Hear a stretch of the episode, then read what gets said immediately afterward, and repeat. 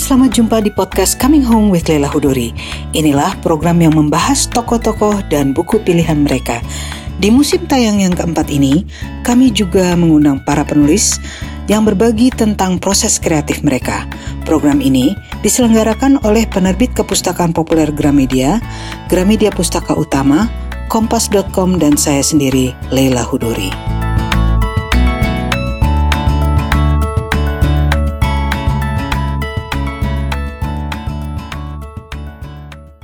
Setahun yang lalu, seminggu sebelum Niken satu-satunya anak kami tenggelam di laut. Ia sering bertanya, benarkah saung galing unggas yang datang dari negeri cermin? Ibu tidak tahu, jawabku. Nyahsu yang suka bercerita demikian, aku suka cerita dia, kata Niken. Beberapa hari kemudian ia berenang dengan teman-teman sekolahnya di teluk. Dan ia hanyut. Umurnya belum sembilan tahun.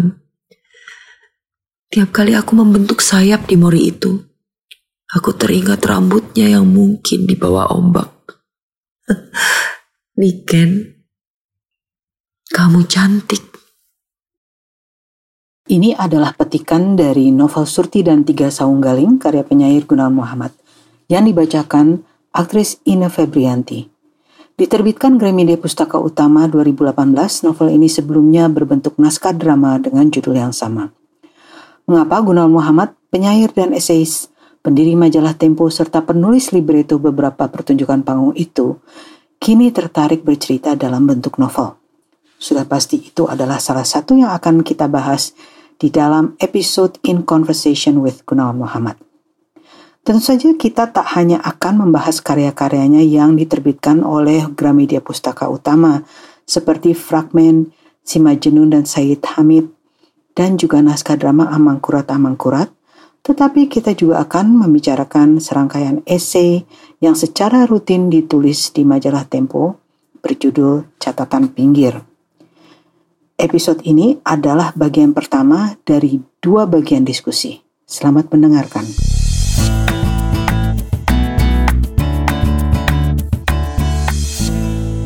Halo, apa kabar GM?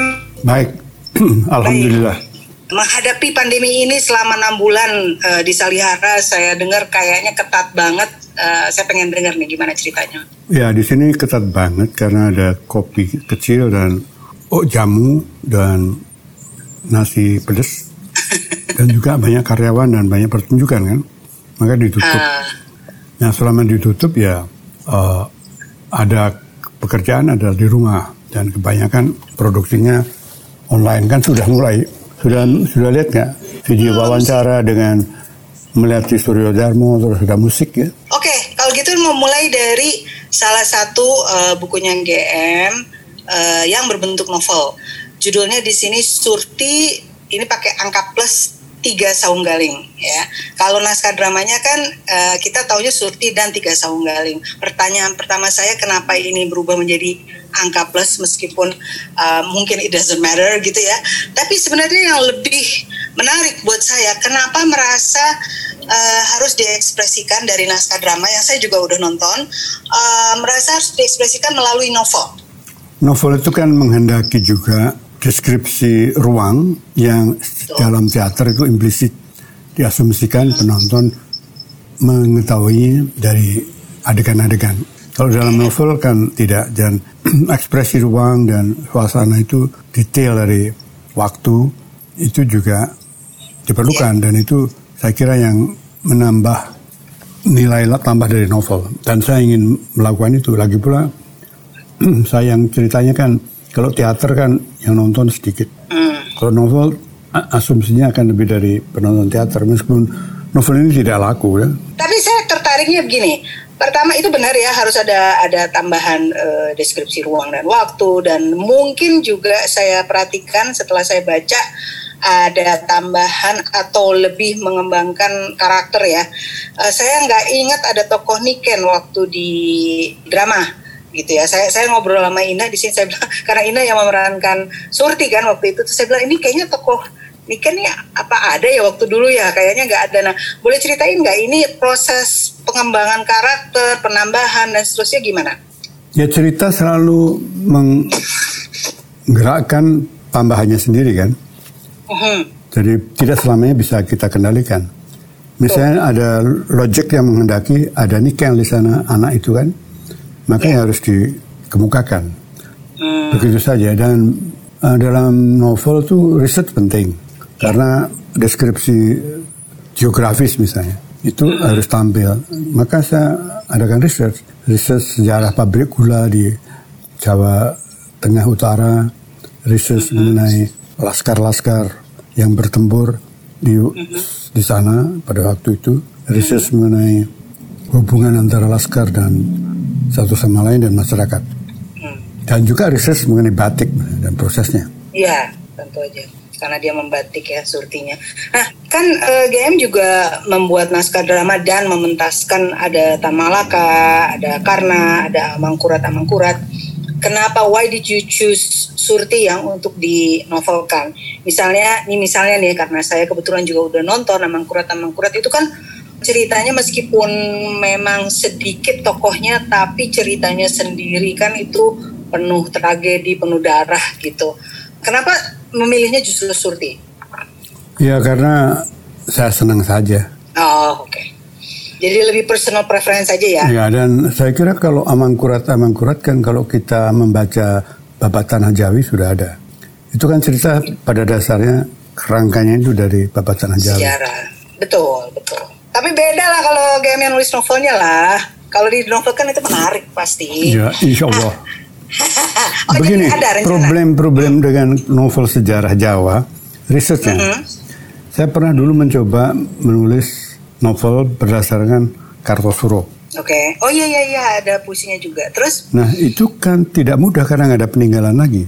Kita bahkan hmm. tidak tahu kendaraan apa di Kartosuro waktu itu. Pakaian mungkin bisa dicari di bukunya Raffles, The History yeah. of Java. History of Java, hmm. ya. Kendaraan apa? Kendaraan untuk kelas bangsawan apa? Hmm. Untuk rakyat apa? Kemudian belum lagi pakaian, makanan. Hmm. Itu kan harus ada riset dan itu tidak ada bahannya. Karena sejarah Indonesia tidak ada dokumenter dengan bagus. Betul, betul. Kita nggak punya tradisi itu kan, seperti kata Anthony Reid. Oke, jadi ini problemnya kalau bikin novel sejarah ya.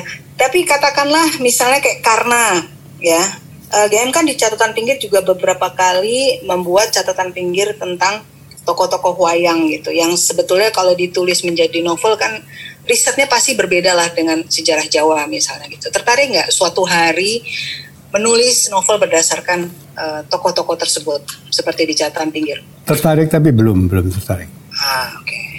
Oke okay. jadi in the future kita nih para pembaca sedang menunggu karya GM berikutnya barangkali yang dalam bentuk novel apa nih ada, sedang saya siapkan, tapi waktunya tidak ada, tidak cukup waktu saya. Iya, hmm.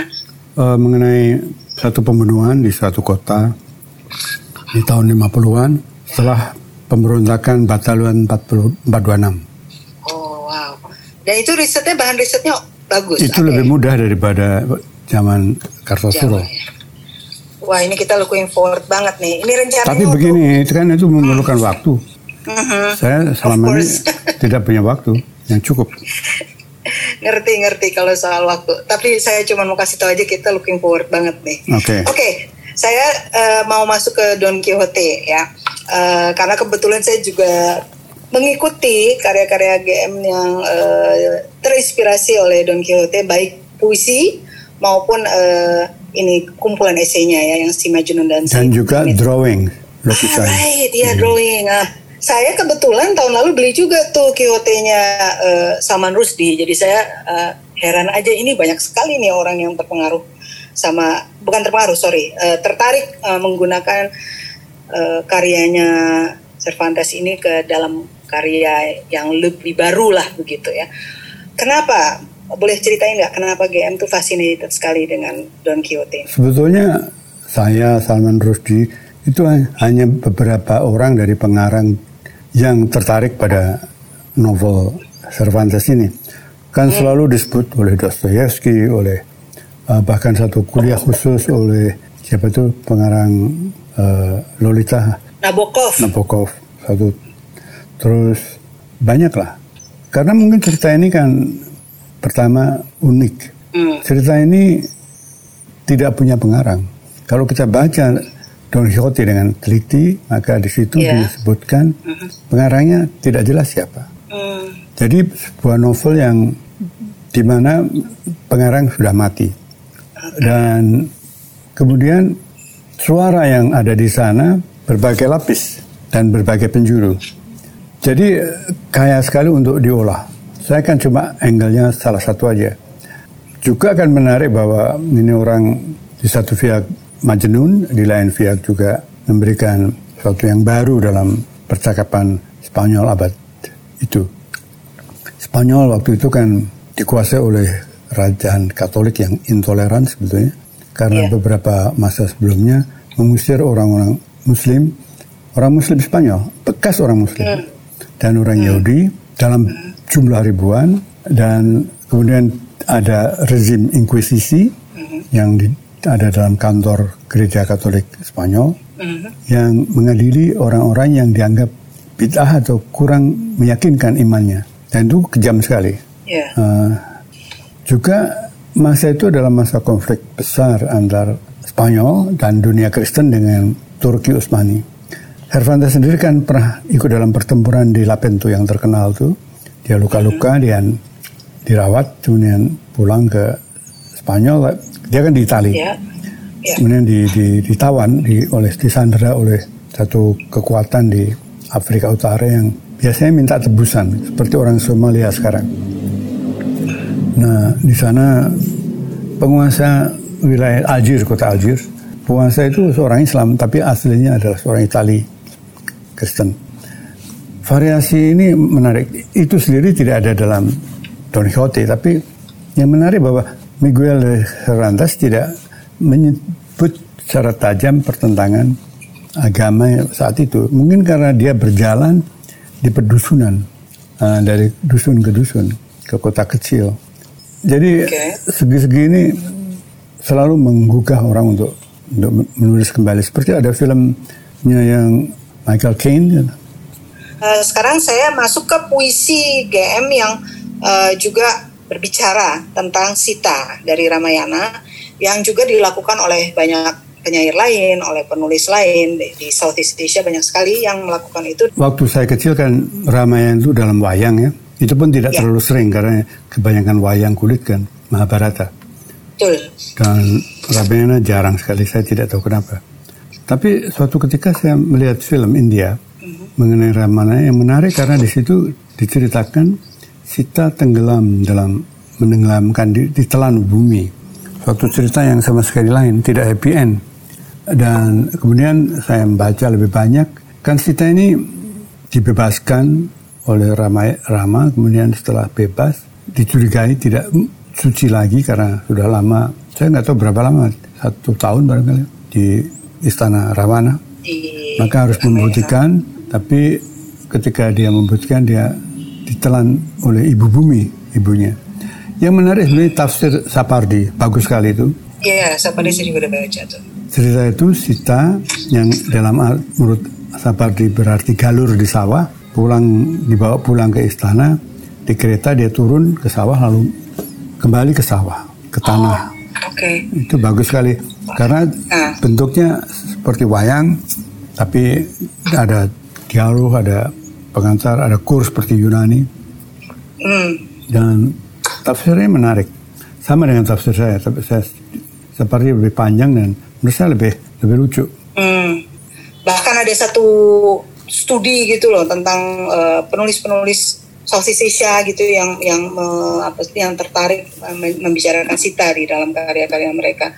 Jadi GM sendiri eh, tertarik dengan bagian ini dari Ramayana basically karena eh, tuntutan bahwa Sita harus eh, membuktikan dirinya suci gitu ya setelah dia diculik dan dibebaskan oleh Rama ya. Kira-kira itu ya bagian. Ya kecenderungan dari wayang yang dipantaskan di Jawa, pertama seperti sinetron, happy end. Kedua, yang terakhir itu ditiadakan. Ketiga, hero-nya disuperlatifkan. Padahal dalam Ramayana itu orang-orang yang secara uh, hidupnya bisa menjadi tauladan atau inspirasi, uh-huh. justru peran-peran sampingan seperti Laksmana. Laksmana menolak yeah. untuk kawin, menikah karena yeah. mau men- membuktikan bahwa dia tidak berminat pada mm. kita. Kedua, Jatayu, uh, yeah. apa? Garudanya. Ya? Garuda itu yang ditulis cerita pendeknya oleh Enhadini kan. Terus uh, Kumbakarna. Terus Wibisono juga menarik. Ya Wibisono. Ya itu. Itu kan diabaikan dalam lakon wayang di Jawa. Mungkin iya. karena lakon wayang di Jawa ditanggap oleh para pembesar orang-orang kaya yang sebenarnya tidak hanya menganggap wayang itu sebagai uh, para parnelia dari kekayaan kekuasaan mereka, tapi tidak hmm. seperti para pujangganya yang lebih dalam. Itu hmm. saya kira uh, degenerasi dari cerita-cerita Ramayana di Indonesia. Untungnya ada cerita wayang Pak siapa itu Kosasi itu kan ya, dia kembali kembali ke sumber India. Betul, betul. Nah, itu dia lebih India. lebih lebih menarik. Betul. Kami semua generasi saya kenalnya untung lewat era Kosasi dulu, hmm. terus mencari yang mencari yang pelal setelah itu. Nah, karena bicara soal tokoh sampingan, saya jadi tertarik uh, mengembangkan uh, bicara soal Mahabharata karang GM juga sering sekali uh, menampilkan tokoh-tokoh Mahabharata di catatan pinggir maupun di uh, puisi yang justru uh, what you call tokoh sampingan tadi misalnya uh, Gandari gitu ya pernah di catatan pinggir dan hmm. kemudian dijadikan naskah drama. Kemudian Karna yang memang dia tokoh penting tapi dia bukan uh, tokoh utama gitu ya. Dia penting tapi bukan utama gitu. So why are you interested in Gandari dan Karna gitu? Uh, jadi tokoh-tokoh yang memang justru bukan tokoh utama. Mereka itu dalam wayang tradisional kan agak di, di diabaikan Gandari sama sekali tidak disebut dalam wayang kulit sedikit sekali sebagai ibu para Kurawa yang penuh dengki dan penuh dengan kepahitan. Yeah. Iya. Uh, saya melihatnya justru ini tidak adil. Ini masalah keadilan aja. Tidak adil bahwa okay. dia orang yang kehilangan 100 anaknya, kemudian disalah-salahkan, seluruh karakter anaknya diperburuk, dan selama hidupnya tidak tampil karena dia hanya istri seorang raja buta.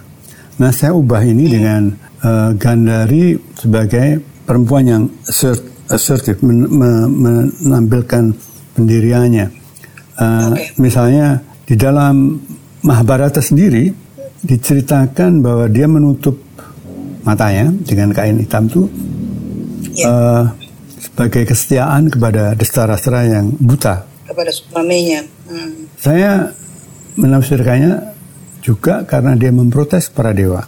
Memprotes karena tidak adil hmm. anaknya okay. taruh dalam peran yang buruk dan dimatikan semuanya. Dalam suatu perang yang akhirnya sia-sia. Nah, kalau karena juga demikian. Di dalam saya pernah bikin lakon karena dalam bahasa Jawa untuk wayang kulit. Oh. Ya, okay. pernah disastrakan pada Sujiwo Tejo dan uh, Selamat Kedono. Sujiwo Tejo pernah oh. mewayangkan dua lakon saya. Yang saya ingat oh, okay. uh, di waktu pemberedelan sebagai protes. Uh, ya, peringatan okay. pemberedelan. Uh. Okay. Kan karena itu diceritakan dia anak Kunti. Iya, dengan Dewa Surya. Dewa Surya dan berpihak pada Kurawa. Di dalam berpihaknya sebenarnya cerita wayang sangat menarik karena dia uh, mengatakan pada Kunti, ya ibu punya lima anak. Kalau saya mati ya. tetap lima, kalau Arjuna mati tetap. Itu suatu ya. pernyataan yang sangat dalam sebenarnya. Nah saya berangkat dari sana. Suatu apresiasi pada karena yang sangat tidak jelas. Nah, dalam karena saya itu sama sekali tidak jelas dia anak siapa. Hmm. Kemudian digaduk-gadukkan orang Jawa kan supaya cocok saja dengan dengan uh, pada Surya bahwa itu anaknya Kunti. Belum tentu anaknya Kunti. Hmm. Tapi dalam lakon saya kan dia sendiri sebenarnya kepengen jadi anak bangsawan kan dia nggak jelas siapa. Iya. Tapi- anak kusir kalau Itu yang meng- anak angkat kusir. tapi kan dia anak buangan di buangan di sekali. Iya, betul. Jadi tidak Betul. jelas siapa. Nah, dia tentu saja ingin ya dalam suasana India waktu itu ya kasta Brahmana dan memang punya bakat-bakat yang kesatria ya. Ah, kesatria Iya, bukan betul. Brahmana. Nah, tapi sebenarnya nggak jelas. Nah, di situ menurut saya tragisnya karena itu yang saya garap. Jadi saya nggak begitu suka dengan tafsir Mahabharata yang terus-terusan memenangkan Pandawa. Padahal beberapa bagian dari Mahabharata menunjukkan segi negatif dari. Pandawa, dan sia-sianya perang besar itu. Betul. Nah itu yang di dalam pedalangan di Indonesia, di Jawa, apalagi di Jawa Barat ya, tidak tampil. Jadi wayang di Indonesia, di Jawa dan Sunda itu sudah kering dari uh, perenungan. Hanya beberapa dalang istimewa yang sekarang sudah tidak ada lagi yang mencoba kembali kepada pada pendalaman itu. Yang lain hanya sen- seni pertunjukan yang menarik karena sabetannya, karena perangnya, karena leluconnya. Iya. Sekarang apalagi ada tari-tarian segala macam. Jadi bisa dikatakan ini pilihannya eh, pilihan Gandari dan Karna selain mereka sendiri juga eh, sebetulnya menarik ya karakternya. Tapi juga sebagai protes terhadap bagaimana para dalang memperlakukan tokoh ini dan juga mungkin bahkan sumber utamanya kan juga memang mengutamakan Pandawa dan Kurawa gitu. Gandari dan Karna juga memang memang istilahnya eh, peran pendukung gitu loh. Gitu. Jadi it's your protest terhadap how the creator and how eh, para dalang di Indonesia memperlakukan Sebetulnya bukan protes pada dalang, protes suatu pemberian alternatif dari suatu tafsir utama. Hmm, ya. Saya ingin sekali mementaskan itu lagi nanti suatu Karena? ketika, ya dengan cara yang, yang lebih yang berbeda lah. Itu kan sebetulnya lakon saya kan monolog, empat monolog kan, bukan. Iya betul betul. Jadi lebih baik dibaca monolog bukan sebagai dilakonkan. Oh gitu. Jadi empat monolog. Kalau diba- dibaca berarti malah malah dalam situasi kayak sekarang malah lebih doable dong, ya kan? Ya kalau ada yang membacakan kan Salihara sedang me- kalau dalam festival tuh karya orang Salihara tidak boleh. Ah, I see, Jadi I see. harus orang luar. Halo, saya Lela Hudori. Saya ada dua rekomendasi buku dari penerbit Gramedia Pustaka Utama. Yang pertama adalah Amangkurat Amangkurat, lakon dalam 14 adegan karya Gunawan Muhammad.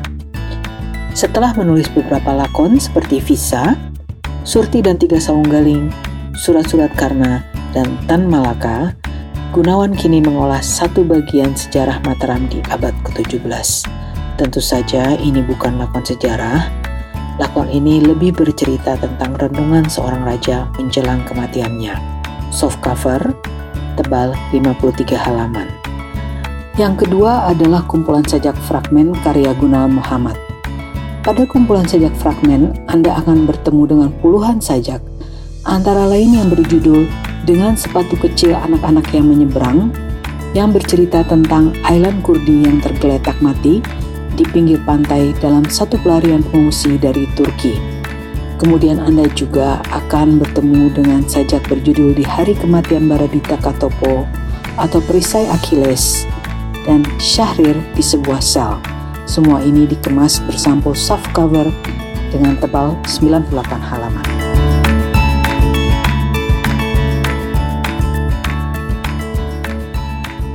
Ini kan sebetulnya udah 10-20 tahun terakhir kali ya kalau saya nggak salah menghitung kan GM masuk ke seni pertunjukan gitu ya. Jauh sebelumnya kan kami taunya kan eh, puisi gitu Eh, dan essay of course. Nah itu kenapa merasa aku harus masuk harus menulis libretto harus menulis naskah drama gitu. Mula-mula kan sebetulnya Panji Sepuh ya.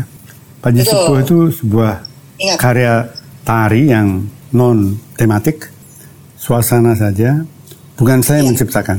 Yang menciptakan idenya Sulistyo Tirto Kusumo. Nah, kemudian digarap oleh para penarinya sendiri. Waktu itu ada restu, ada macam-macam. Kemudian terus ditafsirkan lagi sampai terakhir dengan sutradara Yudi Tajudin. Nah tugas saya sebetulnya menulis satu tembang. Kan di situ ada adegan waktu pertama kali dipentaskan oleh Maria, uh, yeah. uh, tembang yang mengisi adegan dalam tari itu. Nah, saya menulis tembang mm. itu. Uh, mm. Sebetulnya ini juga bukan yang pertama ketika Sardono mementaskan uh, karyanya di Meksiko, festival di Meksiko. Mm-hmm. Hmm, saya menuliskan liriknya juga tembang and it's it's very different from uh, fiksi from dunia dunia sastra menurut saya. Itu kan benar-benar benar and then you also need uh, respon kan dari penonton gitu loh. Bisa ceritain nggak itu? Itu itu beda banget loh dengan dunia oh, iya, iya. dunia fiksi yang soliter gitu kan. Kita menulis sendirian. Lalu kemudian ya udah ketika orang membaca juga dia soliter. Ini kan ada penonton gitu. Can you tell me the uh, I don't know the process and Nggak, saya, feeling ketika. Saya kira mungkin gimana? saya ini ada dua karakter ya. Satu saya soliter. Hmm. Saya kan olahraga saya lari jauh itu kan hmm. soliter. Main tenis Tuh. juga single. Nggak pernah saya main double. Uh, dan nggak biasa ngobrol dalam dalam acara tenis atau. Uh, jadi sebetulnya soliter saya kalau ada pesta kan juga nggak suka. Dulu di Tempo kan kalau ada resepsi kedutaan ya Fikri yang muncul. Saya males. Yeah. Uh, tapi on the other hand, di sisi lain saya ternyata suka grup uh, dynamics. Itu terasa juga di Tempo kan. Tempo hmm. adalah suatu teamwork yang jitu ya karena dynamicnya bagus. Saya suka itu dan dalam teater sama. Teater itu teater itu kita saling menyumbang ide, saling menstimul uh, perasaan kepekaan. Dan kalau dengan tim yang bagus, saya umumnya dengan tim yang bagus, dengan Tony itu saya cocok sekali untuk untuk kerja juga hmm. dengan Iswadi dan lain-lain yeah. Ya. uh, itu sangat menyenangkan artinya saya selalu setiap kali habis pementasan merasa menemukan keluarga hmm. itu yang tidak terdapat kalau kita nulis puisi atau apalagi kalau kita ikut pertemuan sastra yang saya jarang ikut karena isinya bertengkar. Iya bagian dari proses uh, selalu bertengkar. Kalau, kalau, Tapi kalau ketika ke, dalam dalam teater itu nggak pernah ya ada perbedaan bertengkaran? Ada, ada, selalu, ada, ada, ada, ada kan? Tapi pasti. jarang. Oh gitu. Jarang. Karena saya membayangkan kan ketika uh, proses ya, proses dari menciptakan sampai latihan sampai membentuk itu kan agak-agak mirip ya, paling nggak nih di dalam bayangan saya ketika uh, produksi film kan juga begitu, ya kan? Ada persiapan, ada latihan, hmm. kemudian itu kan macam-macam orang dan macam-macam kepala, ya kan? Nah, pastilah ada perbedaan-perbedaan, ada berantem-berantemnya. Jadi di dalam teater pasti kan ada begitu ya. Ada penciptaan musik, iya kan kayak maunya begini, Tony maunya begitu, itu selalu cocok tuh. Selama ini ya, wow. saya hanya sekali lihat bentrokan dikit waktu kalau nggak salah Tan Malaka antara hmm. Yudi dan Fitri ya Fitri oh. koreografer Yudi sutradara tapi selebihnya tidak. Oke, okay. oke. Okay. Uh, eh, ini sekarang uh, saya masih masih fascinated nih dengan dengan dunia pertunjukan yang unfortunately mesti freeze dulu ya selama pandemi ini. Ini dari semua yang kayak pernah uh, pertunjukan ya uh, bersama tim ya, timnya pasti macam-macam. Itu you personally gitu uh, uh, which one do you feel happy about? Of course semuanya happy karena that's all your children tapi yang paling merasa uh, saya nggak mau bilang puas ya tapi merasa senang asik gitu nontonnya. Dari yang Tamalaka, Karna, Mangkurat Mangkurat, Surti, Terus ada juga Visa itu satu-satunya yang belum saya nonton tuh Visa. Yang lainnya saya udah nonton semua. Itu uh, yang mana? Uh, begini, yang asik itu bukan nontonnya, asik itu mengerjakannya. Ah proses. Prosesnya itu paling asik. Hasilnya biasanya okay. ya oke okay, bagus. Tapi proses menuju itu itu yang mengasyikkan dan itu hampir semuanya. Panji Sepuh itu misalnya, saya uh -huh. menjadi teman banget dengan para niogo pemain gamelan. Sehingga kalau saya nonton uh pertunjukan wayang apa ada dia mereka saya dapat posisi yang enak lah. Uh, terus yang misalnya Amangkurat Amangkurat yang ya selama dengan saya kan dekat sekali sejak Frankfurt yeah. Fair. Yes. Tapi timnya itu kan juga menyenangkan dan Hmm. ada WA grup yang merawat itu. Uh, Hmm. Dengan Surti kan saya jadi berteman dengan Ina karena Ina itu serius banget orangnya dan senang saya Ya, ya, dan rendah hati. betul, betul. Nah, ini dalam dalam Oh, oke. teater dan pertunjukan ujian bagi kerendahan hati. Yang tidak rendah hati pasti bertengkar. Hmm, Ego itu oke. ego adalah persoalan yang paling barabe dalam teater. Dan saya nggak suka itu karena saya senang teater karena di situ ego diredam. Betul. Sebenarnya bukan dalam teater aja kali ya, dalam semua kerjasama kali ya, ya kan? Iya ya. Mm. Nah, ini saya mau tanya tentang Amangkurat Amangkurat nih, karena memang eh, GM udah lama eh, berkawan sama Mas Slamet ya dari zaman Frankfurt Book Fair, Book Fair itu jadi dekat. Tapi begitu menciptakan Amangkurat Amangkurat, apakah memang eh, Mas Slamet udah ada in in your mind gitu Iya, untuk iya, iya. memerankan dia? Iya, iya memang. Dan memang Oke. dari semua awak teater satu ya yang dipimpin SPD ya yang hanya Mas Slamet ya yang mampu dan dia memang aktor yang bagus kan. Betul, iya banget. Kalau udah menulis dengan bayangan dia asik banget gitu, kayaknya dia memang lentur sekali. Nah, ada satu tokoh di dalam naskah ini, eh, juru taman. Saya saya baca ini dan juga waktu nonton melihat ini penting sekali nih tokoh ini. Eh, bisa nggak? So, is it fair to say bahwa ini tokohnya ini jadi mengingatkan saya seperti pentingnya Sanjaya eh, kepada Destarata saat Barata Yuda gitu. Dia jadi kayak pen- orang yang na- narrator yang kira-kira penting untuk penonton. Memang itu satu device yang yang enak ya untuk menjadi narator. Tapi sebenarnya juru taman itu ada dalam tokoh yang misterius dalam babat tanah Jawi. Misterius sekali karena eh, ada disebut tapi selalu tidak jelas siapa dan punya kesaktian yang dan dibunuh oleh oleh eh, oleh Sultan Agung bang. Eh, itu itu misterius dan layak dikembangkan. Bagi saya itu cocok untuk lakon Amangkurat. Eh, dan lakon Amangkurat kan sebetulnya plotnya agak mengikuti Babat Tanah Jawi. Bahkan itu kan selalu diiringi dengan tembang dari Babat Tanah Jawi. Babat Tanah Jawi kan bentuknya tembang. Eh, Ya. Adegan-adegan harus diterjemahkan dalam adegan lakon. Cuma saya pilih perjalanan pengungsian dan suasana di pengungsian. Menurut saya, saya senang itu dengan suasana yang dipilih, dibikin oleh Swadi dan Mas Slamet.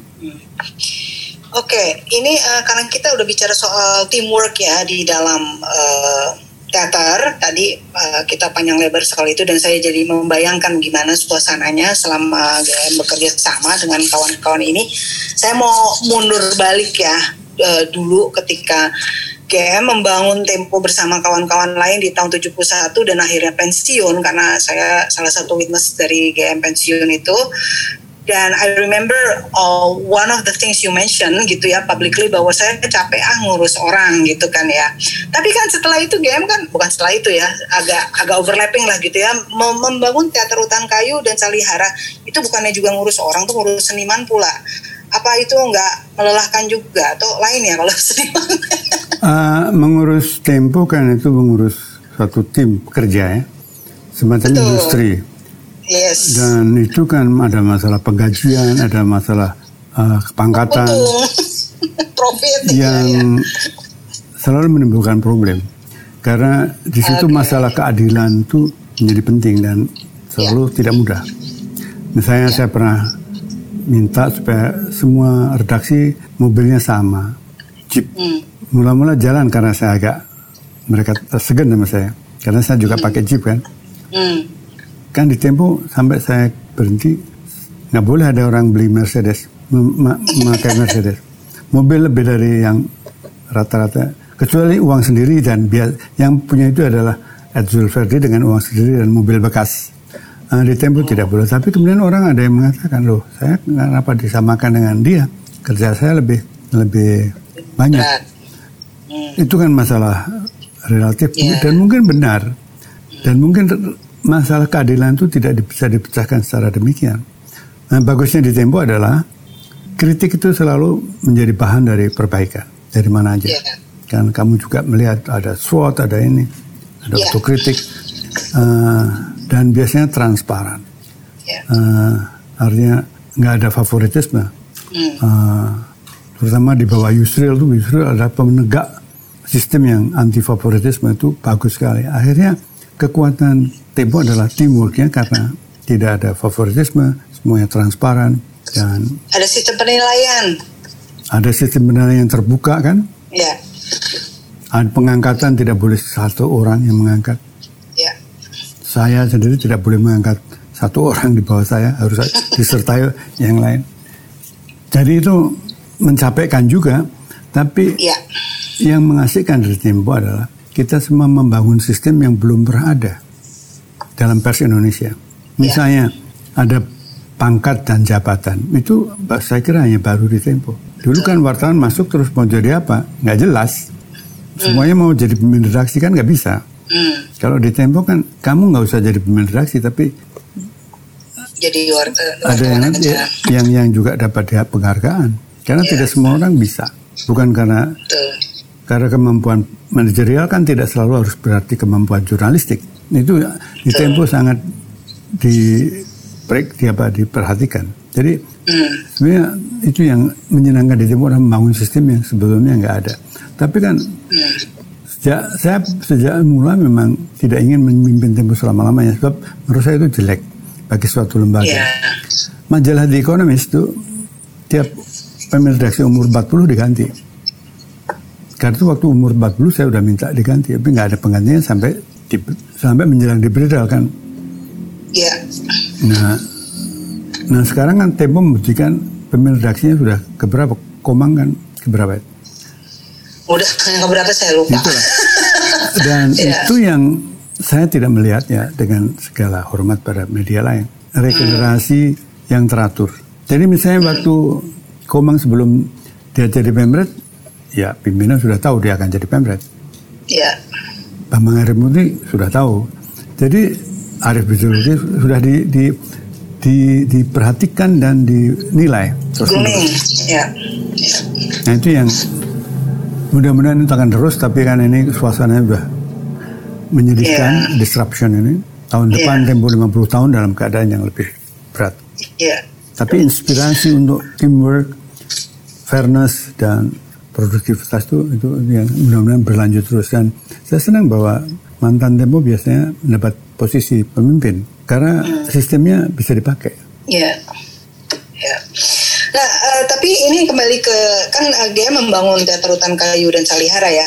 Setelah itu ya, itu apakah eh, tadi yang disebut kelelahan ya, yang melelahkan bahwa karena harus adil dan seterusnya itu nggak ditemui ya. Meskipun saya tahu di Tuk dan di Salihara itu kan lebih kecil ya kelompoknya lebih kecil dan yang diurus itu beda gitu. Apakah kelelahan yang dialami di Tempo itu tidak dialami di dua institusi ini? Tidak karena lebih kecilan. Kemudian te- hutan kayu sendiri kan sejarahnya itu sejarah perlawanan. Betul. Hutan kayu kan sebagai tempat persembunyian untuk Iya. melawan Soeharto. Ya, jadi ya tidak bisa lelah juga orang harus saling percaya.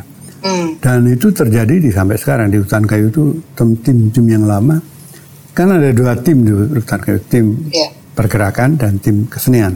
Keduanya berlanjut terus.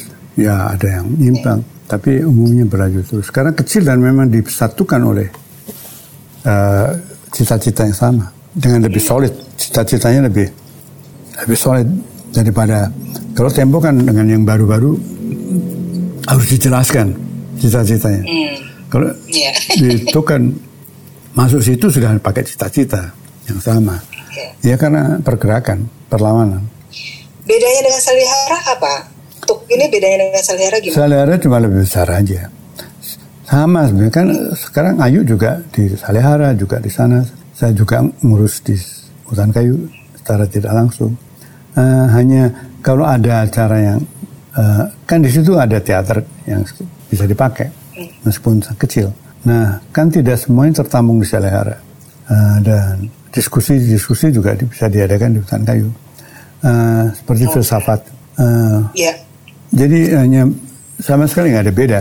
kecuali apa programnya berbeda isi, eh, berbeda pembicara, tapi pada dasarnya sama. Hmm. Kuratornya kan beda ya. E, kalau di di Salihara kan kuratornya ada satu tim gitu kan, iya kan? Iya. Yeah. Sementara kalau teater hutan kayu lebih kecil gitu. Kesan saya sih begitu. Iya yeah, iya yeah, betul. Lebih.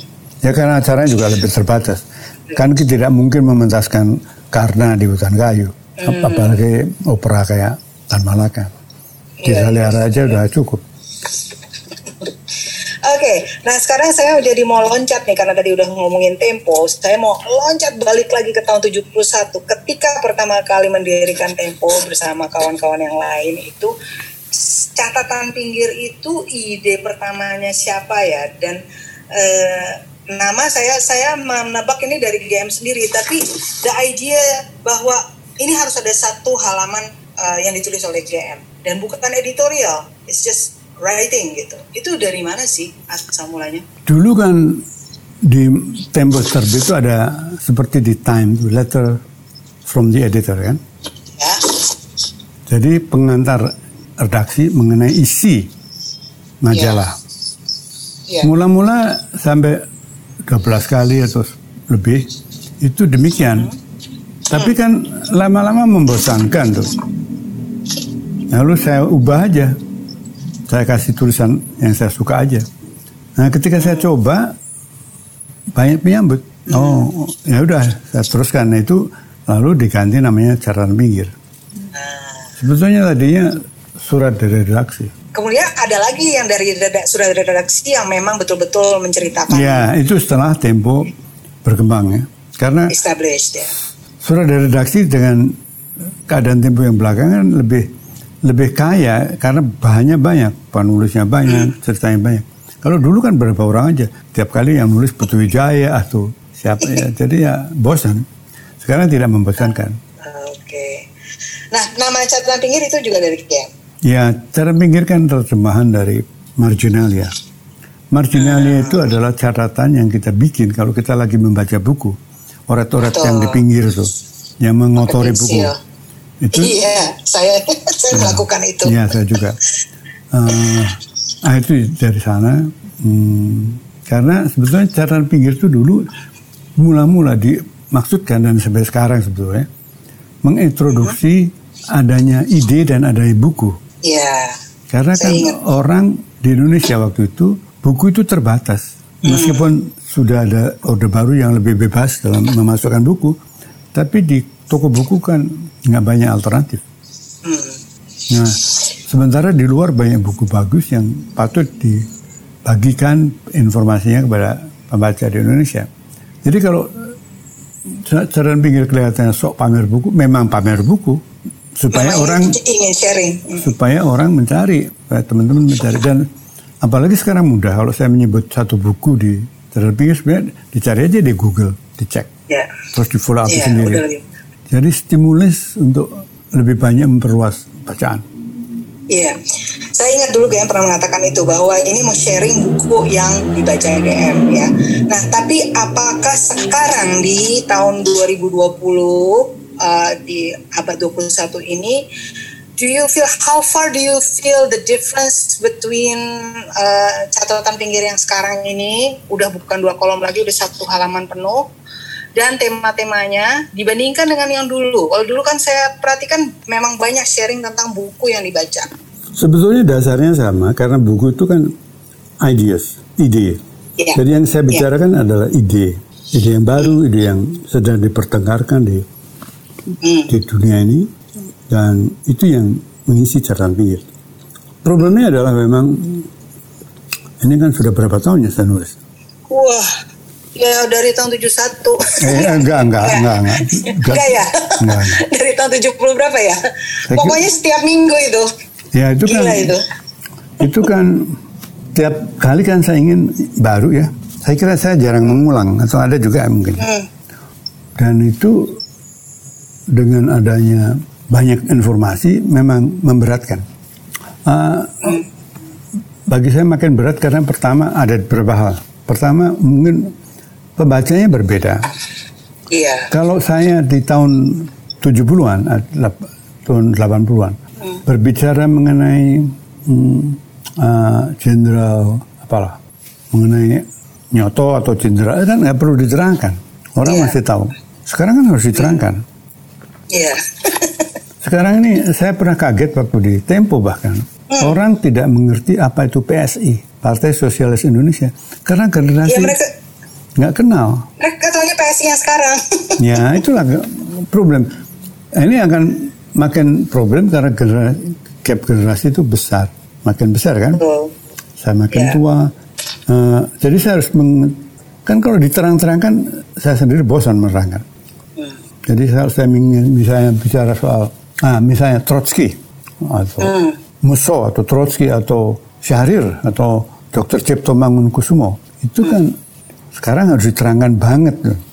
Nah untuk menerangkan itu kan tidak menarik jadi prosa itu terhenti menjadi juru penerang itu problem lebih problem lagi karena diterjemahkan Iya. diterjemahkan itu Iya. kita menghadapi dua audiens yang berbeda. Kalau Iya. saya menulis untuk orang Indonesia, karena saya menulis untuk orang Indonesia, maka uh, Dr. Sutomo nggak perlu saya terangkan. Tapi kan dalam versi Inggris, Jennifer Lindsay yang menerjemahkan harus menerangkan mungkin.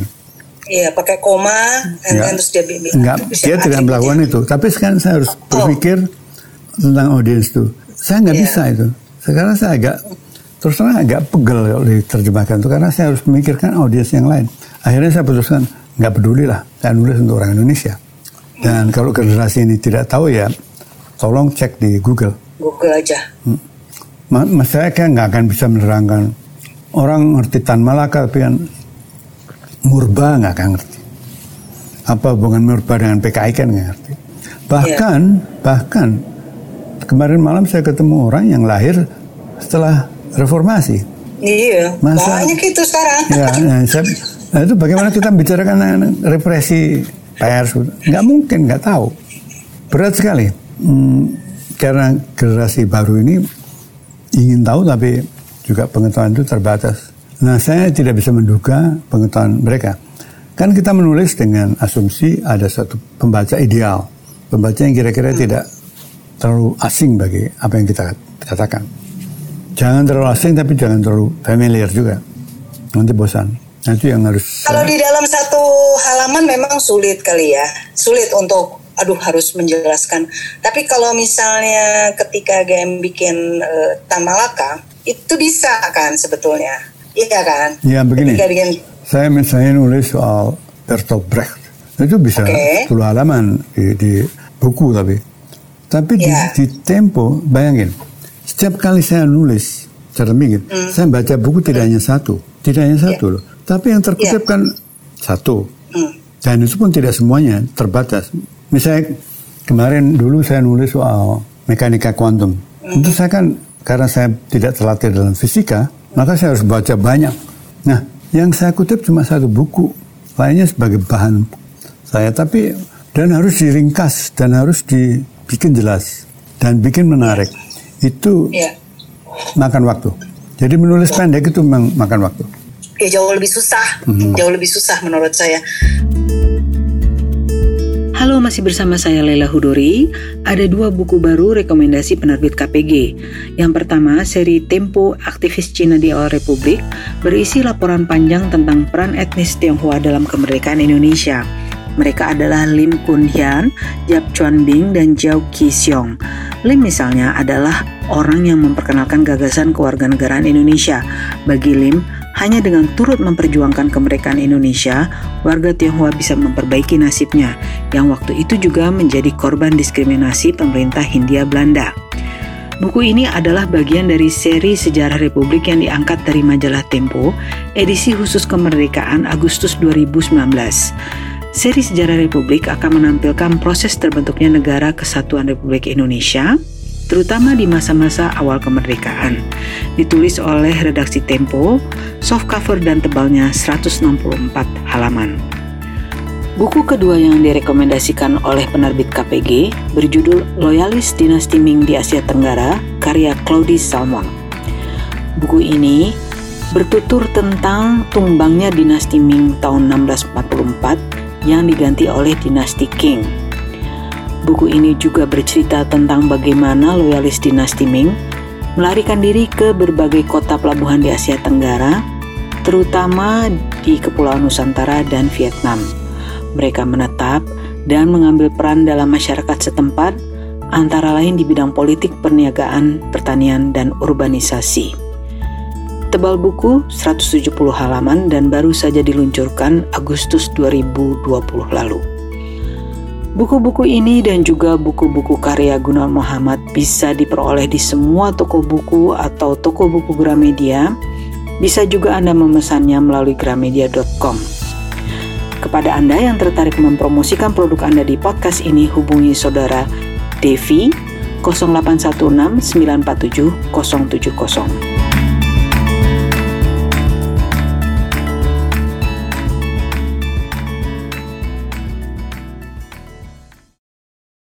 Lebih baik pulang.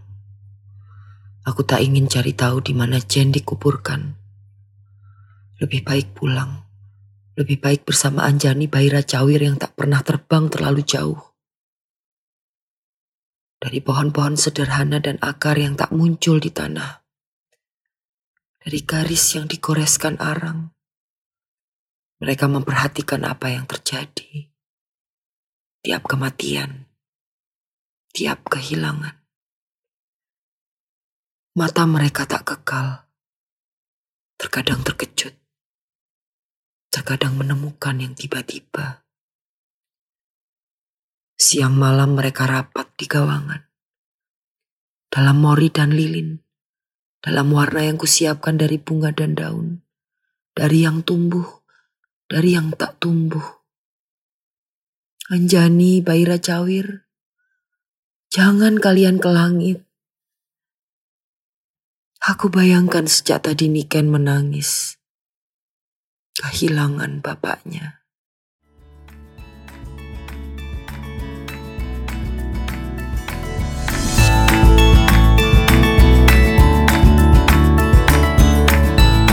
Terima kasih sudah mampir mendengarkan diskusi podcast kami.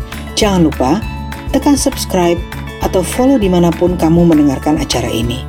Program ini juga didukung oleh Femina Media.